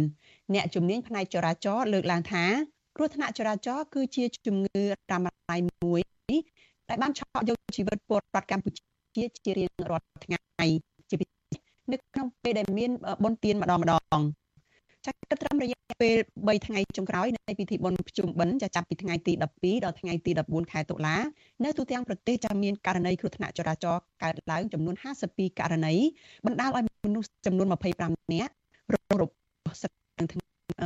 រងរបួសស្រាលចាចំនួន60ចាចំនួន63នាក់ដែលគ្រោះថ្នាក់ភាគច្រើនដោយសារបើកបានបើកបោះហួសកំណត់ថ្នាក់នេះកើតឡើងចិត្តចាបានកើនឡើងជិត20លើកហើយអ្នកដែលបាត់បង់ជីវិតនៅក្នុងគ្រោះថ្នាក់ចរាចរណ៍បានថយចុះចំនួន2នាក់និងអ្នករងរបួសបានកើនឡើងជាង20 អ្នកបើប្រៀបធៀបនឹងរយៈពេល3ថ្ងៃដូចគ្នា នៃពិធីចុងក្រោយនៃពិធីបុណ្យភ្ជុំបិណ្ឌកាលពីឆ្នាំ2022អ្នកជំនាញផ្នែកផ្នែកចរាចរណ៍ចាត់ទុកបញ្ហាគ្រោះថ្នាក់ចរាចរណ៍នេះថាជាសោកនាដកម្មមួយដែលឆក់យកជីវិតពលរដ្ឋចាជាច្រើនពាន់នាក់និងខាតបង់ថវិកាជាតិរាប់លានដុល្លារនៅរាល់ឆ្នាំចារដ្ឋាភិបាលបានដឹងជាយូរមកហើយថាគ្រោះថ្នាក់ចរាចរណ៍បណ្ដាលមកពីការអនុវត្តច្បាប់ធូររលុង បើកបរហួសល្បឿនកំណត់ និងបើកបរដោយមានស្ថានភាពស្រវឹងជាដើមក៏ប៉ុន្តែរដ្ឋាភិបាលនៅតែមិនទាន់ដោះស្រាយបញ្ហានេះឲ្យមានប្រសិទ្ធភាពទេផ្ទុយទៅវិញបែរជាលើកទឹកចិត្តឲ្យមានការផ្សព្វផ្សាយនិងប្រើប្រាស់គ្រឿងស្រវឹងកាន់តែផុសផុលថែមបន្ថែមទៀតចាជាបន្តទៅទៀតនេះចានេះខ្ញុំនឹងមានសម្ភារផ្ទាល់មួយចាជាមួយនឹងអ្នកជំនាញផ្នែកការបង្ការគ្រោះថ្នាក់ចរាចរណ៍ចាគឺលោកគង់រតនៈ ចាដែលលោកនឹងចូលមកជជែកនៅក្នុងកម្មវិធីផ្សាយយើងនៅយប់នេះចាថាតើយើងរៀនសូត្របានអ្វីខ្លះពីរយៈពេល3ថ្ងៃនៃពិធីបុណ្យភ្ជុំបិណ្ឌនេះហើយធ្វើយ៉ាងណាដើម្បីបង្ការគ្រោះថ្នាក់ចរាចរណ៍នេះនៅថ្ងៃមុខទៅទៀតនោះចានេះខ្ញុំបានឃើញលោករតនៈហើយចាជំរាបសួរលោករតនៈពីចម្ងាយចាបាទជំរាបសួរនៅបងបាទសុខសប្បាយហើយសូមជំរាបសួរដល់ប្រិយមិត្តដែលកំពុងតែទស្សនាការផ្សាយរបស់វិទ្យុអេស៊ីសេរីទាំងអស់ផងបាទជំរាបសួរចា អរគុណច្រើនលោករតនៈអឺចំនួនករណីគ្រោះថ្នាក់ចរាចរណ៍ហ្នឹងក៏មិនបានថយចុះហើយចំនួនអ្នកស្លាប់ហ្នឹងក៏នៅតែមានចំនួនច្រើនបើយើងគិតតែរយៈពេល3ថ្ងៃនៃពិធីបុណ្យភ្ជុំបិណ្ឌចុងក្រោយនេះតើចំពោះលោករតនៈដែលជាអ្នកជំនាញអ្នកដែលធ្លាប់មានបទពិសោធន៍ខាងការងារតាមដានគ្រោះថ្នាក់ចរាចរណ៍ហើយ គិតគូរពីសវត្ថភាពគ្រោះថ្នាក់ចរាចរណ៍នេះតើលោកមើលឃើញថាអ្វីខ្លះដែលអាចរៀនសូត្របាន ពីបញ្ហាគ្រោះថ្នាក់ចរាចរណ៍នៅក្នុងរយៈពេលចុងក្រោយនេះចា៎បាទអរគុណច្រើនអ្នកបងសុជីវីសម្រាប់សំណួរអ្វីដែលខ្ញុំមានការចាប់អារម្មណ៍ក៏ដូចជាចង់ចែករំលែកអឺតាក់ទងជាមួយនឹងការអនុវត្តការងារកន្លងមកក្នុងវិស័យសុវត្ថិភាពចរាចរណ៍ ខ្ញុំសូមជម្រាបថាបញ្ហាសុវត្ថិភាពចរាចរណ៍នឹងមិនមែនមានតែនៅក្នុងប្រទេសកម្ពុជាយើងនោះទេគឺមាននៅពេញទូទាំងពិភពលោកអឺដែលយោងតាមរបាយការណ៍របស់អង្គការសុខភាពពិភពលោកគឺយើងឃើញថាក្នុងមួយឆ្នាំនឹងមានមនុស្សបានស្លាប់ប្រហែលជាមួយលាន3សែននាក់ដោយសារគ្រោះថ្នាក់ចរាចរណ៍ហើយបើយើងនិយាយឲ្យស្រួលយល់នៅតាមដងផ្លូវ ទូទាំងពិភពលោករបស់យើងនឹងក្នុងរយៈពេល24វិនាទីនេះគឺមានមនុស្សម្នាក់បានស្លាប់អត់ហើយដោយសារគ្រោះថ្នាក់ចរាចរណ៍ហើយអ្នកដែលស្លាប់ភាគច្រើនដែលពាក់ព័ន្ធជាមួយនឹងគ្រោះថ្នាក់ចរាចរណ៍នឹងគឺជាក្រុមយុវវ័យដែលមានអាយុពី5ឆ្នាំឬក៏ជាជាសិស្សនិងជាកុមារនិងយុវជនដែលមានអាយុពី5ឆ្នាំរហូតដល់29ឆ្នាំគឺជាភាគរយដែលមានអ្នកស្លាប់ច្រើនជាងគេក្នុងវ័យដែលល្អសម្រាប់សង្គមជាតិនៅពេលហ្នឹងឯង ហើយជាក់ស្ដែងទៀតសោតគ្រោះថ្នាក់ចរាចរណ៍យើងក៏លេចមើលមកនៅក្នុងប្រទេសកម្ពុជាយើងយើងឃើញថាចំនួនអ្នកស្លាប់នៅក្នុងថ្ងៃធម្មតាជាមធ្យមនោះគឺមានចន្លោះពី4ទៅ5នាក់ក្នុងមួយថ្ងៃអញ្ចឹងបើយើងគិតទៅក្នុងមួយឆ្នាំយើងមានមនុស្សជិត2000នាក់បានបាត់បង់ជីវិតនៅតាមដងផ្លូវនៅក្នុងប្រជារាស្ត្រកម្ពុជាយើងហើយបើយើងគិតពីក្នុងជាមធ្យមថា គ្រួសារមួយគ្រួសារមានគ្នា5នាក់ហើយបើយើងគិតទៅ2000នាក់វាច្រើនមែនតើប្រហែលជាជិត400គ្រួសារចឹង400គ្រួសារអាចថា2ភូមិយើងបាត់មនុស្សអស់2ភូមិរៀងរាល់ឆ្នាំនៅក្នុងមួយឆ្នាំមួយឆ្នាំដោយសារគ្រោះថ្នាក់ចរាចរណ៍វាជាសោកនាដកម្មមួយដែលយើងអត់ចង់ឃើញនោះទេបាទហើយជាក់ស្ដែងដូចបងសុជីវីបានលើកឡើងពីខាងដើមយើងមានការសិក្សាស្រាវជ្រាវពីឆ្នាំកន្លងមកគឺយើងបានធ្វើការប៉ាន់ប្រមាណ ទៅលើការខាតបង់សេដ្ឋកិច្ចដោយសារគ្រោះថ្នាក់ចរាចរណ៍សម្រាប់ប្រទេសកម្ពុជាយើងនោះមានប្រមាណជាជាង400លានដុល្លារក្នុងមួយឆ្នាំចឹងចំនួននេះបើសិនជាប្រជាពលរដ្ឋយើងអត់មានគ្រោះថ្នាក់ចរាចរណ៍ទេគឺយើងអាចប្រើប្រាស់ចំណូលឬក៏ជាតកតងជាមួយនឹងផលសេដ្ឋកិច្ច នៅក្នុងចំនួនច្រើនរយលាននឹងសម្រាប់កសាងហេដ្ឋារចនាសម្ព័ន្ធជាច្រើនបានទៀតនេះគឺជាការខាតបង់ដ៏ធំមួយ ដែលទាមទារឲ្យមានការចាប់អារម្មណ៍ហើយយើងឃើញរយៈចុងក្រោយនេះគឺយើងឃើញមានការចាប់អារម្មណ៍ពីរដ្ឋាភិបាលដែរពីព្រោះអីក៏គាត់មានសកម្មភាពមួយចំនួន ដែលបានផ្សារភ្ជាប់ជាពិសេសក្នុងនាមខ្ញុំជាទីប្រឹក្សាឯករាជ្យគឺយើងមានការងារមួយចំនួនពាក់ព័ន្ធជាមួយនឹងការអប់រំផ្សព្វផ្សាយក៏ដូចជាបណ្ដុះបណ្ដាលកម្មវិធីសុវត្ថិភាពចរាចរណ៍នឹងនៅតាម ផ្លូវផ្លូវជនបទដែលកសាងដោយក្រសួងអភិវឌ្ឍជនបទក៏ដូចជាក្រសួងសាធារណការនោះគឺយើងមានកម្មវិធីសុវត្ថិភាពចរាចរណ៍នឹងបញ្ចូលថែមទៀតដែរបាទហើយជាក់ស្ដែងសម្រាប់រយៈពេល3ថ្ងៃនៅក្នុងថ្ងៃបុណ្យទានសម្រាប់ខ្ញុំខ្ញុំគិតថាមិនត្រឹមតែបុណ្យជុំបិណ្ឌយើងទេអឺពេលដែលបុណ្យចូលឆ្នាំខ្មែរឬក៏បុណ្យជាតិសំខាន់សំខាន់ហ្នឹងគឺ ចំនួនគ្រោះថ្នាក់ចរាចរណ៍នោះគឺតែងតែកើនឡើងហើយបើយើងនិយាយពីចំនួនអ្នកស្លាប់វិញភាគច្រើនគឺគុណនឹង2តែម្ដងបាទអញ្ចឹងជាធម្មតា4នាក់យើងឃើញក្នុងរយៈពេល3ថ្ងៃមាន25នាក់បានស្លាប់ហើយអ្នកដែលស្លាប់ទាំងអស់នោះយើងគិតទៅថាអត់មានអ្នកដែលចាស់ចាស់ទេគឺជាវ័យនៅក្នុងគេហៅផលិតភាពសេដ្ឋកិច្ច មានន័យថាពួកគាត់មានចន្លោះអាយុចន្លោះពី18ទៅដល់29ឬក៏30ឆ្នាំហ្នឹងគឺច្រើនគណៈប្រសាសន៍លោកបានបន្តិចលោកបានលើកឡើងខាងដើមថាទាំងរដ្ឋាភិបាលទាំងអង្គការសង្គមស៊ីវិលខាងរូបលោកជាដើមឬក៏អង្គការផ្សេងផ្សេងទៀតដែលបារម្ភពីសវត្ថិភាពចរាចរណ៍ហ្នឹងតែតែមានការផ្សព្វផ្សាយចំណេះដឹងហ្នឹងទៅដល់ប្រជាពលរដ្ឋចាឲ្យមានការប្រុងប្រយ័ត្នឲ្យយកចិត្តទុកដាក់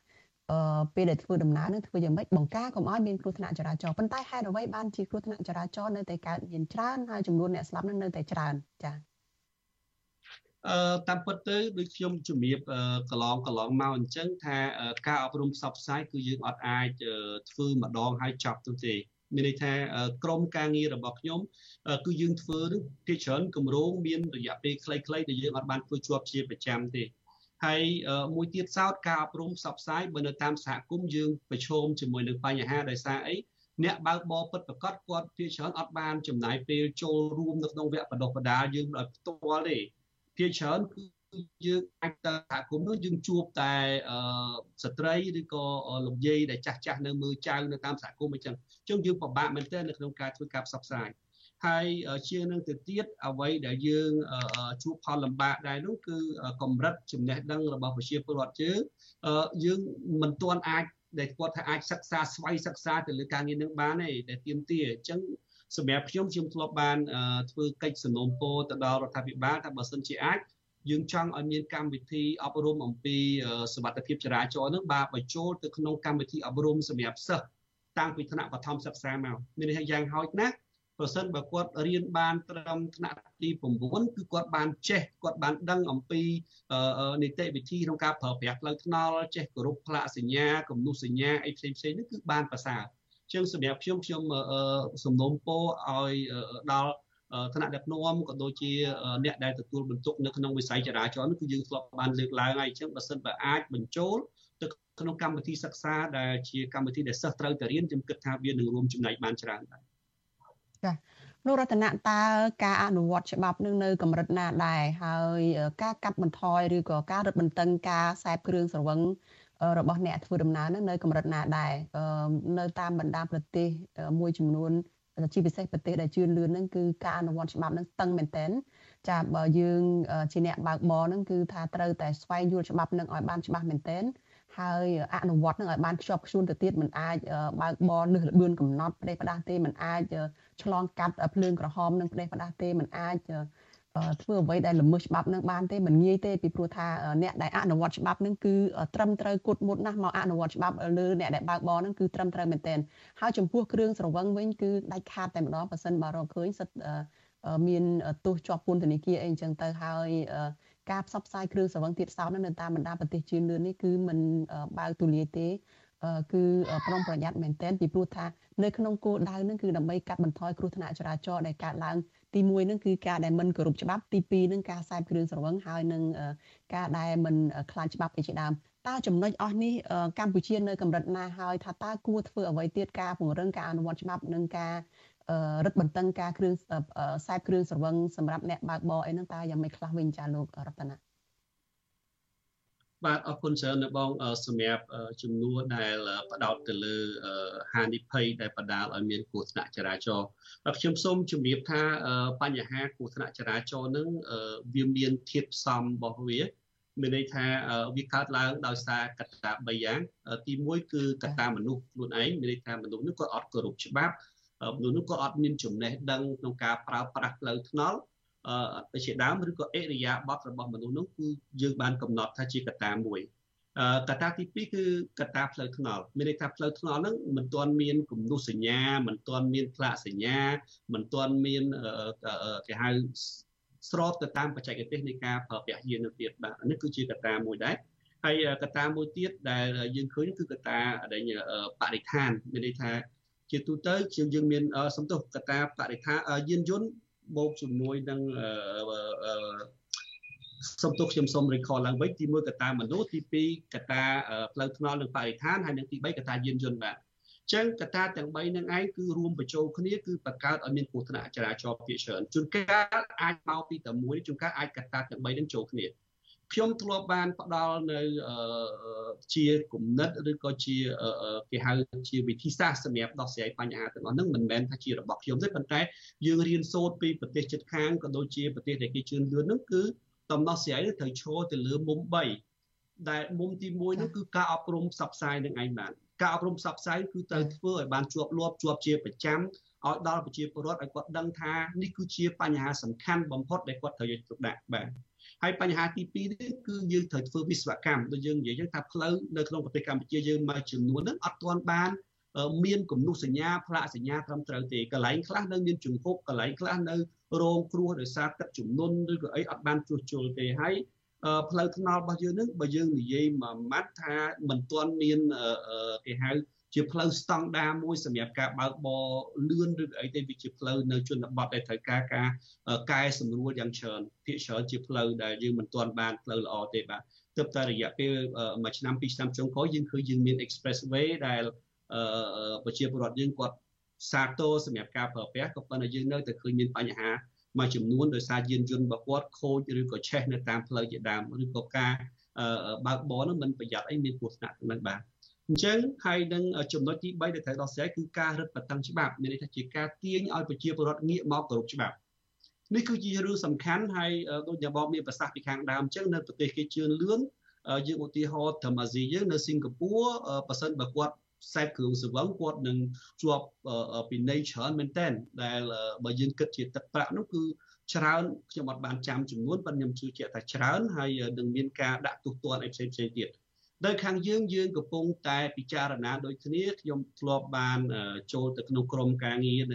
តាក់ទងជាមួយនឹងវិស័យសេវាភាពចរាចរណ៍ហ្នឹងគឺក្រុមការងារយើងចង់ធ្វើឲ្យទៅដូចប្រទេសគេជឿទឿនដែរក៏ប៉ុន្តែនៅពេលដែលយើងចាប់ផ្ដើមអនុវត្តការរឹតបន្តឹងច្បាប់យើងឃើញថាភាពចន្លោះប្រហោងមួយចំនួនបានកើតមានឡើងតាក់ទងជាមួយនឹងមន្ត្រីអនុវត្តច្បាប់ខ្លួនឯងនឹងជួនកាលគាត់អត់ទាំងយល់អំពីច្បាប់ចរាចរណ៍នឹងច្បាស់ផង គាត់ទៅជាយកច្បាប់ចរាចរណ៍នឹងធ្វើជាមុខរបររបស់គាត់គាត់អ្នកមួយចំនួនទៀតគាត់ព្យាយាមអឺសម្លុតប្រជាពលរដ្ឋដែលថាបើទោសនឹងមិនជាធ្ងន់ទេឧទាហរណ៍ថាលើសភ្លើងលឿងឬក៏ភ្លើងក្រហមតិចតួចនេះគាត់ព្យាយាមដាក់សម្ពាធឬក៏ទម្លាក់ទម្ងន់ទៅដើម្បីឲ្យមានការផាកពិន័យហើយចុងក្រោយគាត់មិនទាំងធ្វើការពិន័យតាមច្បាប់ទៀតគាត់មានកន្លែងគាត់បលិចមកពីខាងផ្សេងផ្សេងប៉ុន្តែខ្ញុំគិតថាមិនទាំងអស់ហើយវាមានខ្លះដែរ ប៉ុន្តែយើងបានឃើញនៅក្នុង social media ចំណុចទាំងអស់ហ្នឹងគឺយើងឃើញមានការឆ្លើយតបពីខាងអគ្គស្នងការឋាននគរបាលជាតិនោះក៏គាត់មានចំណាត់ការដែរគាត់ថាសូមឲ្យរាយការណ៍ទៅថ្នាក់លើមានការដាក់ទទួលប៉ុន្តែបើទល់ពេលនេះយើងឃើញថាវាហាក់បីដូចជាករណីវែងចកដែលខ្ញុំជំរាបទៅថាយើងនៅតែមានករណីអសកម្មមួយចំនួនអញ្ចឹងហើយក៏យើងឃើញមានដែរថា ការដាក់ទោសការដកបញ្ឈរជើងការអីជាដើមនឹងមានប៉ុន្តែយើងអត់ចង់ឲ្យថាធ្វើជាលក្ខណៈឲ្យតែបានរួចមកពេលមកពេលយើងចង់ធ្វើឲ្យទៅជាគេហៅមាននិរន្តរភាពនៅក្នុងការងារនឹងឯងអញ្ចឹងសម្រាប់ខ្ញុំខ្ញុំលើកទឹកចិត្តខ្ញុំជឿអរគុណសម្រាប់ការចំណាយកម្លាំងធនធានបេះដូងចូលរួមនៅក្នុងវិស័យសវត្ថភាពដើម្បីឲ្យប្រជាពលរដ្ឋមកធ្វើដំណើរបាន សុខសប្បាយក៏ប៉ុន្តែយើងក៏អត់សប្បាយចិត្តចំពោះជនមួយចំនួនតូចដែលបកភាពរញ៉េរញ៉ៃបង្កើតឲ្យប្រជាពលរដ្ឋនឹងគាត់យល់ថាបលិសចរាចរណ៍នឹងហាក់បីដូចជាជាក្រុមមួយដែលប្រឆាំងជាមួយពួកគាត់តាមពិតទៅខ្ញុំគិតថាគោលដៅច្បាប់មិនមិនអាក្រក់ទេក៏ប៉ុន្តែអ្នកដែលយកទៅបកស្រាយនៅក្នុងបណ្ដាញសង្គមនោះមានការបកស្រាយផ្សេងផ្សេងគ្នាដែលធ្វើឲ្យយើងប្រឆាចនៅគោលដៅរួម ចឹងសម្រាប់ខ្ញុំខ្ញុំលើកទឹកចិត្តថាយើងកុំច្អល់ទៅតែខាងសមត្ថកិច្ចតែម្ខាងប្រជាពលរដ្ឋយើងមួយចំនួននោះក៏លោកត្រូវតែកែខ្លួនឯងដែរពីព្រោះអីថាបើសិនជាអស់លោកគោរពច្បាប់ទាំងអស់គ្នាប៉ូលីសឬក៏សមត្ថកិច្ចចរាចរណ៍នោះគាត់គ្មានហេតុផលណាមកប្រខាំងយើងបានទេប៉ុន្តែពួកយើងច្រើនតែមិនព្រមអនុវត្តខ្លួនឯងឲ្យបានល្អទេហើយនៅពេលដែលអត់ទាន់ជួបគាត់ថាអត់អីពេលដែលជួបខ្លួនឯងគាត់ច្រើនរកវិធីសម្រួលខាងក្រៅហើយបន្ទាប់មកគាត់លួចទៅ បង្ហោះឬក៏និយាយបំប៉ោងហើយយើងឃើញករណីមួយចំនួនហើយដែលគាត់និយាយរៀងលើសចឹងទៅរហូតដល់មានការបកស្រាយបំភ្លឺចុងក្រោយគាត់ធ្វើការសុំទោសជាសាធារណៈឯកដើមដែលយើងអត់ចង់ឃើញទេចាអរគុណច្រើនចាលោកចាអរគុណច្រើនលោករតនៈចាដែលបានផ្ដល់សម្ភារនៅពេលនេះចានេះខ្ញុំបានយល់សេចក្តីដែលលោក លើកឡើងនឹងហើយគឺការអនុវត្តច្បាប់ហើយនឹងការចូលរួមពីពលរដ្ឋទូទៅទើបអាចកាត់បន្ថយគ្រោះថ្នាក់ចរាចរណ៍នេះបានចាអរគុណច្រើនលោករតនៈដែលបានឆ្លៀតពេលផ្ដល់សម្ភារនៅយុគនេះហើយជូនពរលោកសុខភាពល្អចាជម្រាបលាលោកត្រឹមប៉ុណ្ណេះចាបាទអរគុណច្រើនរបស់បាទជម្រាបលាបាទចាលោកនាងកញ្ញាជាទីមេត្រីចាយើងងាកមកព័ត៌មានតកតងនឹងនយោបាយវិញម្ដងចាអ្នកវិភាគនយោបាយជំរុញឲ្យលោកហ៊ុនម៉ាណែតផ្សះផ្សាជាតិឲ្យស្របទៅតាមប្រតិបណ្ដាំរបស់ព្រះបរមរតនកោដ្ឋនរោត្តមសីហនុ ចាលោកជីវិតាមានសេចក្តីរាយការណ៍អំពីរឿងនេះជូនលោកអ្នកនាងដូចតទៅអ្នកវិភាគនយោបាយនិងមន្ត្រីគណៈបកប្រឆាំងលើកឡើងថាដើម្បីបង្ហាញពីការគោរពពិតប្រាកដដល់ព្រះបរមរតនកោដ្ឋនិងរដ្ឋធម្មនុញ្ញព្រមទាំងអនុវត្តទៅតាមពាក្យសច្ចាប្រណិធានរបស់ខ្លួនពេលចូលកាន់តំណែងជានាយករដ្ឋមន្ត្រីនោះលោកហ៊ុនម៉ាណែតគួរតែចាប់ផ្ដើមធ្វើឲ្យមានការផ្សះផ្សាជាតិឡើងវិញដើម្បីឲ្យពលរដ្ឋខ្មែរគ្រប់និន្នាការ រស់នៅដោយសុខដុមរមនាជាមួយគ្នាពលគឺបញ្ឈប់វប្បធម៌ចាត់ទុកអ្នកដែលមាននិន្នាការផ្ទុយជាសត្រូវរបស់ខ្លួនអ្នកវិភាគនយោបាយចាស់ភាសាបណ្ឌិតឡៅម៉ុងហៃមានប្រសាសន៍ថាក្នុងឱកាសប្រពខួប11ឆ្នាំនៃការសោយទីវង្គតរបស់អតីតព្រះមហាក្សត្រលោកហ៊ុនម៉ាណែតគួរចាប់ផ្ដើមលើកកម្ពស់ការគោរពរដ្ឋធម្មនុញ្ញសិទ្ធិមនុស្សនិងការបង្រួបបង្រួមជាតិទៅតាមព្រះរាជបណ្ដាំរបស់ព្រះបរមរតនកោដ្ឋ បណ្ឌិតឡាវម៉ុងហៃបន្ថែមថាការផ្សះផ្សាជាតិនឹងមិនអាចកើតមាននោះឡើយប្រសិនបើថ្នាក់ដឹកនាំរដ្ឋាភិបាលនៅតែបន្តចោទប្រកាន់អ្នកដែលមាននិន្នាការផ្ទុយពីរដ្ឋាភិបាល ថាជាក្រុមជ្រុលនិយមក្បត់ជាតិឬជាអ្នកចង់ធ្វើបដិវត្តពណ៌នោះអស់តែគ្រប់អនុវត្តធ្វើតាមសច្ចាប្រណិជាតិរបស់ខ្លួនទៅ ហើយនឹងគោរពអត់រដ្ឋធម្មនុញ្ញនឹងទៅបាទគោរពរួមជាតិហើយមើលតែមានចាំទេតែទិវារដ្ឋធម្មនុញ្ញនាយករដ្ឋមន្ត្រីដែលធ្វើសារលិខិតឲ្យបបសាទររដ្ឋធម្មនុញ្ញទេប្រតិកម្មរបស់អ្នកវិភាគនយោបាយចាស់ភាសារូបនេះធ្វើឡើងបន្ទាប់ពីលោកហ៊ុនម៉ាណែតបានដឹកនាំមន្ត្រីរដ្ឋាភិបាលទៅគោរពព្រះវិញ្ញាណក្ខន្ធព្រះបរមរតនកោដ្ឋព្រះបាទនរោត្តមសីហនុ នៅរូបសំណាករបស់ព្រះអង្គក្បែរវិមានឯករាជ្យនាថ្ងៃទី15ខែតុលា ដែលជាថ្ងៃខួប11វស្សានៃការយាងសោយទីវង្គតរបស់ព្រះអង្គ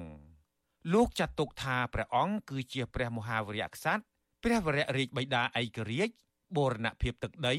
និងឯកភាពជាតិខ្មែរក្រៅពីនេះលោកហ៊ុនម៉ាណែតនិងសមាជិករដ្ឋាភិបាលក៏បានបង្អោនកាយគោរពនិងនឹករលឹកដល់ព្រះគុណូបការៈនិងស្នាព្រះហស្ថរបស់ព្រះអង្គផងដែរ ទោះជាយ៉ាងណាគិតមកដល់ពេលនេះលោកហ៊ុនម៉ាណែតបានដឹកនាំរដ្ឋាភិបាលថ្មីជិត100ថ្ងៃមកហើយប៉ុន្តែលោកមិនទាន់បង្ហាញពីការធ្វើនយោបាយផ្សះផ្សាជាតិនិងឯកភាពជាតិតាមរយៈការដោះលែងអ្នកជាប់ឃុំជាសកម្មជននយោបាយនោះឡើយផ្ទុយទៅវិញ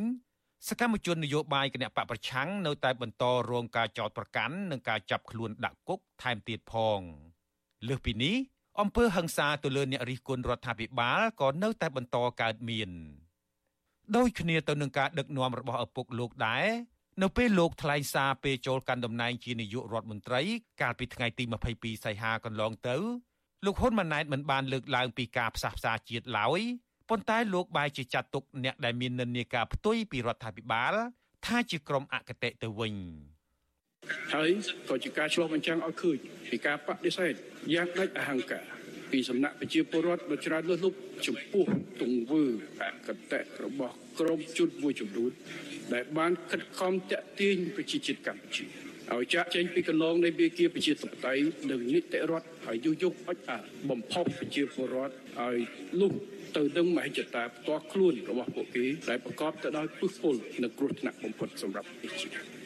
វិទ្យុអាស៊ីសេរីមិនអាចតាក់ទងប្រធានអង្គភិបអ្នកណែនាំពាក្យរដ្ឋាភិបាលលោកប៉ែនបូណា ដើម្បីសូមការបកស្រាយជុំវិញរឿងនេះបានទេ នៅថ្ងៃទី15តុលាជុំវិញរឿងនេះប្រធានគណៈប្រតិបត្តិខេត្តបៃលិននៃគណៈបកភ្លើងទៀនលោកខឹមមនីកុសល បានប្រាប់វិទ្យុអាស៊ីសេរីនៅថ្ងៃទី15តុលាថាដើម្បីគោរពទៅតាមបណ្ដាំរបស់ព្រះបរមរតនកោដ្ឋលោកហ៊ុនម៉ាណែតមិនត្រូវបន្តធ្វើនយោបាយកំចាត់ដៃគូប្រជែងនយោបាយដោយឪពុកលោកឡើយលោកបន្តថា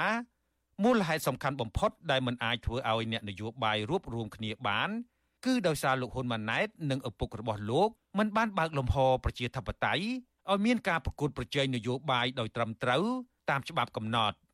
ការផ្សះផ្សាជាតិនេះគឺជាចំណុចមួយសំខាន់ណាដែលអាចនាំទៅដល់ការងើបឡើងនៃសេដ្ឋកិច្ចជាតិរបស់យើងផងឈានទៅដល់ការគោរពសិទ្ធិមនុស្សបើកទូលាយលំហសេរីភាពទៅដល់គណៈបពប្រឆាំងដែលអាចធ្វើនយោបាយផ្សេងផ្សេងបានហើយការផ្សះផ្សាជាតិវាអត់អាចកើតមានឡើងទេបើយើងថាយើងគោរពប្រជាធិបតេយ្យយើងឲ្យមានតែមួយប៉ាំងវាមិនអាចទៅរួចបានអញ្ចឹងចំណុចត្រង់នេះគឺជាការនៅតែបន្តយល់ខុសរបស់ថ្នាក់ដឹកនាំយើងសពថ្ងៃនេះមានតែមួយបាក់ហ្នឹងគឺជាចាត់ទុកថាជាការបង្រួបបង្រួមជាតិវាមិនមែនអញ្ចឹងទេព្រះបរមរតនកោដ្ឋប្របាទនរោត្តមសីហនុព្រះអង្គបានសោយទីវង្គតកាលពីថ្ងៃទី15ខែតុលា ឆ្នាំ2012នៅប្រទេសចិន ដោយព្រះរាជាពាទ្យអតីតព្រះមហាក្សត្រខ្មែរអង្គនេះត្រូវបានមេដឹកនាំគណៈបកនយោបាយនានារាប់ទាំងលោកហ៊ុនសែនលោកសំរងស៊ីនិងលោកកឹមសុខាផង តែងតែចាត់ទុកថាព្រះអង្គជាព្រះរាជបិតាឯករាជ្យបិតាសន្តិភាព និងជាបិតាបង្រួបបង្រួមជាតិអ្នកវិភាគនយោបាយនិងមន្ត្រីគណៈបកប្រឆាំងអំពាវនាវឲ្យលោកហ៊ុនម៉ាណែតគួរតែចាប់ផ្ដើមធ្វើឲ្យមានការផ្សះផ្សាជាតិនិងការបង្រួបបង្រួមជាតិឡើងវិញដោយយកគំរូតាមព្រះបាទនរោត្តមសីហនុដើម្បីឲ្យប្រជាពលរដ្ឋខ្មែរគ្រប់និន្នាការរស់នៅដោយសុខដុមរមនាជាមួយគ្នាខ្ញុំជីវិតាអាស៊ីសេរី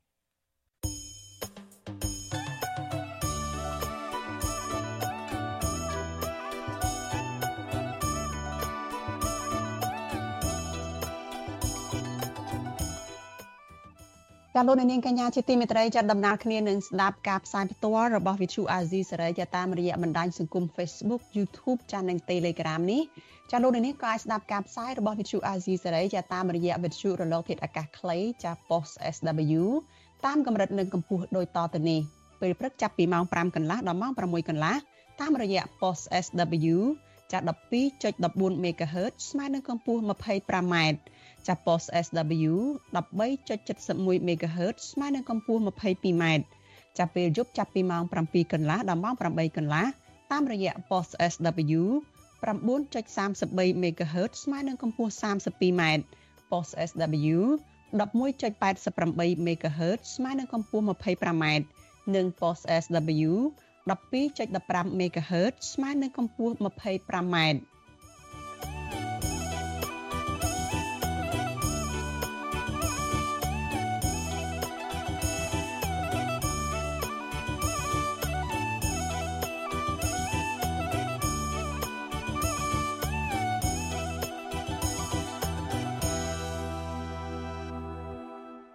ចាលោកនាងកញ្ញាប្រិយមិត្តជាទីមេត្រីចាយើងបានទទួលសំណុំពរនិងការលើកឡើងពីអ្នកស្ដាប់និងអ្នកទស្សនារបស់យើងជាច្រើនណាស់ថាកុំអោយវិទ្យុអាស៊ីសេរីចាដាក់ចំណងជើងផ្ទុយពីខ្លឹមសារនៃព័ត៌មានចាឧទាហរណ៍ដូចជាដាក់ចំណងជើងថា Vivo ហើយលោកហ៊ុនសែនត្រូវតុលាការព្រហ្មទណ្ឌអន្តរជាតិ ICC យកទៅកាត់ទោសជាដើមក៏ប៉ុន្តែនៅពេលដែលចុចចូលទៅស្ដាប់គឺមិនលឺនិយាយអំពីរឿងនោះសោះទេ ចាយើងខ្ញុំសូមជម្រាបថាការដាក់ចំណងជើងដែលខុសពីខ្លឹមសារទាំងនេះគឺជាការបោកប្រាស់របស់ក្រុមអ្នកដែលរកស៊ីតាម YouTube ដើម្បីរកលុយតែប៉ុណ្ណោះពួកគេលួចយកខ្លឹមសារនៃការផ្សាយរបស់ Vithu Azizi សេរីចាទៅកាត់តរួចបដូរចំណងជើងតាមរបៀបប្លែកប្លែកខុសហួសហេតុចាខុសពីការពិតនៅក្នុងគោលបំណងដើម្បីទៅតាក់ទាញចិត្តលោកអ្នកនាងកញ្ញាឲ្យចូលទៅចុចស្ដាប់ឬទស្សនាដើម្បីបាន view ឬក៏បានអ្នកចូលទស្សនាច្រើនជាដើម ចាំមានអ្នកចុចស្ដាប់កាន់តែច្រើនចាពួកគេកាន់តែអាចរកប្រាក់បានច្រើនផងដែរវិទ្យុអាស៊ីសេរីមិនដែលដាក់ចំណងជើងឲ្យខុសពីខ្លឹមសារទេចាសសូមលោកអ្នកនាងកញ្ញាចូលរួមទប់ស្កាត់ការបោកប្រាស់តាមប្រព័ន្ធ YouTube ទាំងអស់នេះបាន ចាសគឺលោកអ្នកនាងឈប់ចុចស្ដាប់ឬក៏ទស្សនាការផ្សាយណាដែលដាក់ចំណងជើងខុសប្លែកគួរឲ្យសង្ស័យទាំងនេះជាពិសេសទៅទៀត ចាដើម្បីស្ដាប់ឬក៏ទស្សនាព័ត៌មានពិតរបស់ Vithu Azizi សេរីចាសូមអញ្ជើញលោកអ្នកនាងចូលទៅ Channel របស់ Vithu Azizi សេរីចាដែលមានអាសយដ្ឋានចា www.youtube.com/@rfa ខ្មែរ ហើយនេះគឺជាគេហទំព័រពិតប្រាកដនៃ YouTube របស់ Vithu Azizi សេរីចាសសូមអញ្ជើញលោកអ្នកនាងចាសចូលរួមទប់ស្កាត់ព័ត៌មានคล้ายៗនៅលើបណ្ដាញព័ត៌មានផ្សព្វផ្សាយព័ត៌មាន YouTube នេះចាលោកនាងកញ្ញាជាទីមេត្រីចាការផ្សាយរបស់វិទ្យុអាស៊ីសេរីនៅយុគនេះចាចាប់ត្រឹមតែប៉ុណ្ណេះចានេះខ្ញុំសុជីវីព្រមទាំងក្រុមការងារទាំងអស់នៃវិទ្យុអាស៊ីសេរីចាសូមអរគុណដល់លោកអ្នកនាងចាដែលតែងតែតាមដានការផ្សាយរបស់យើងតាំងពីដើមរៀងមក ហើយក៏តែងតែចូលរួមចែករំលែកការផ្សាយរបស់វិទ្យុអាស៊ីសេរីនេះចាទៅកាន់មិត្តភ័ក្តិរបស់លោកអ្នកនាង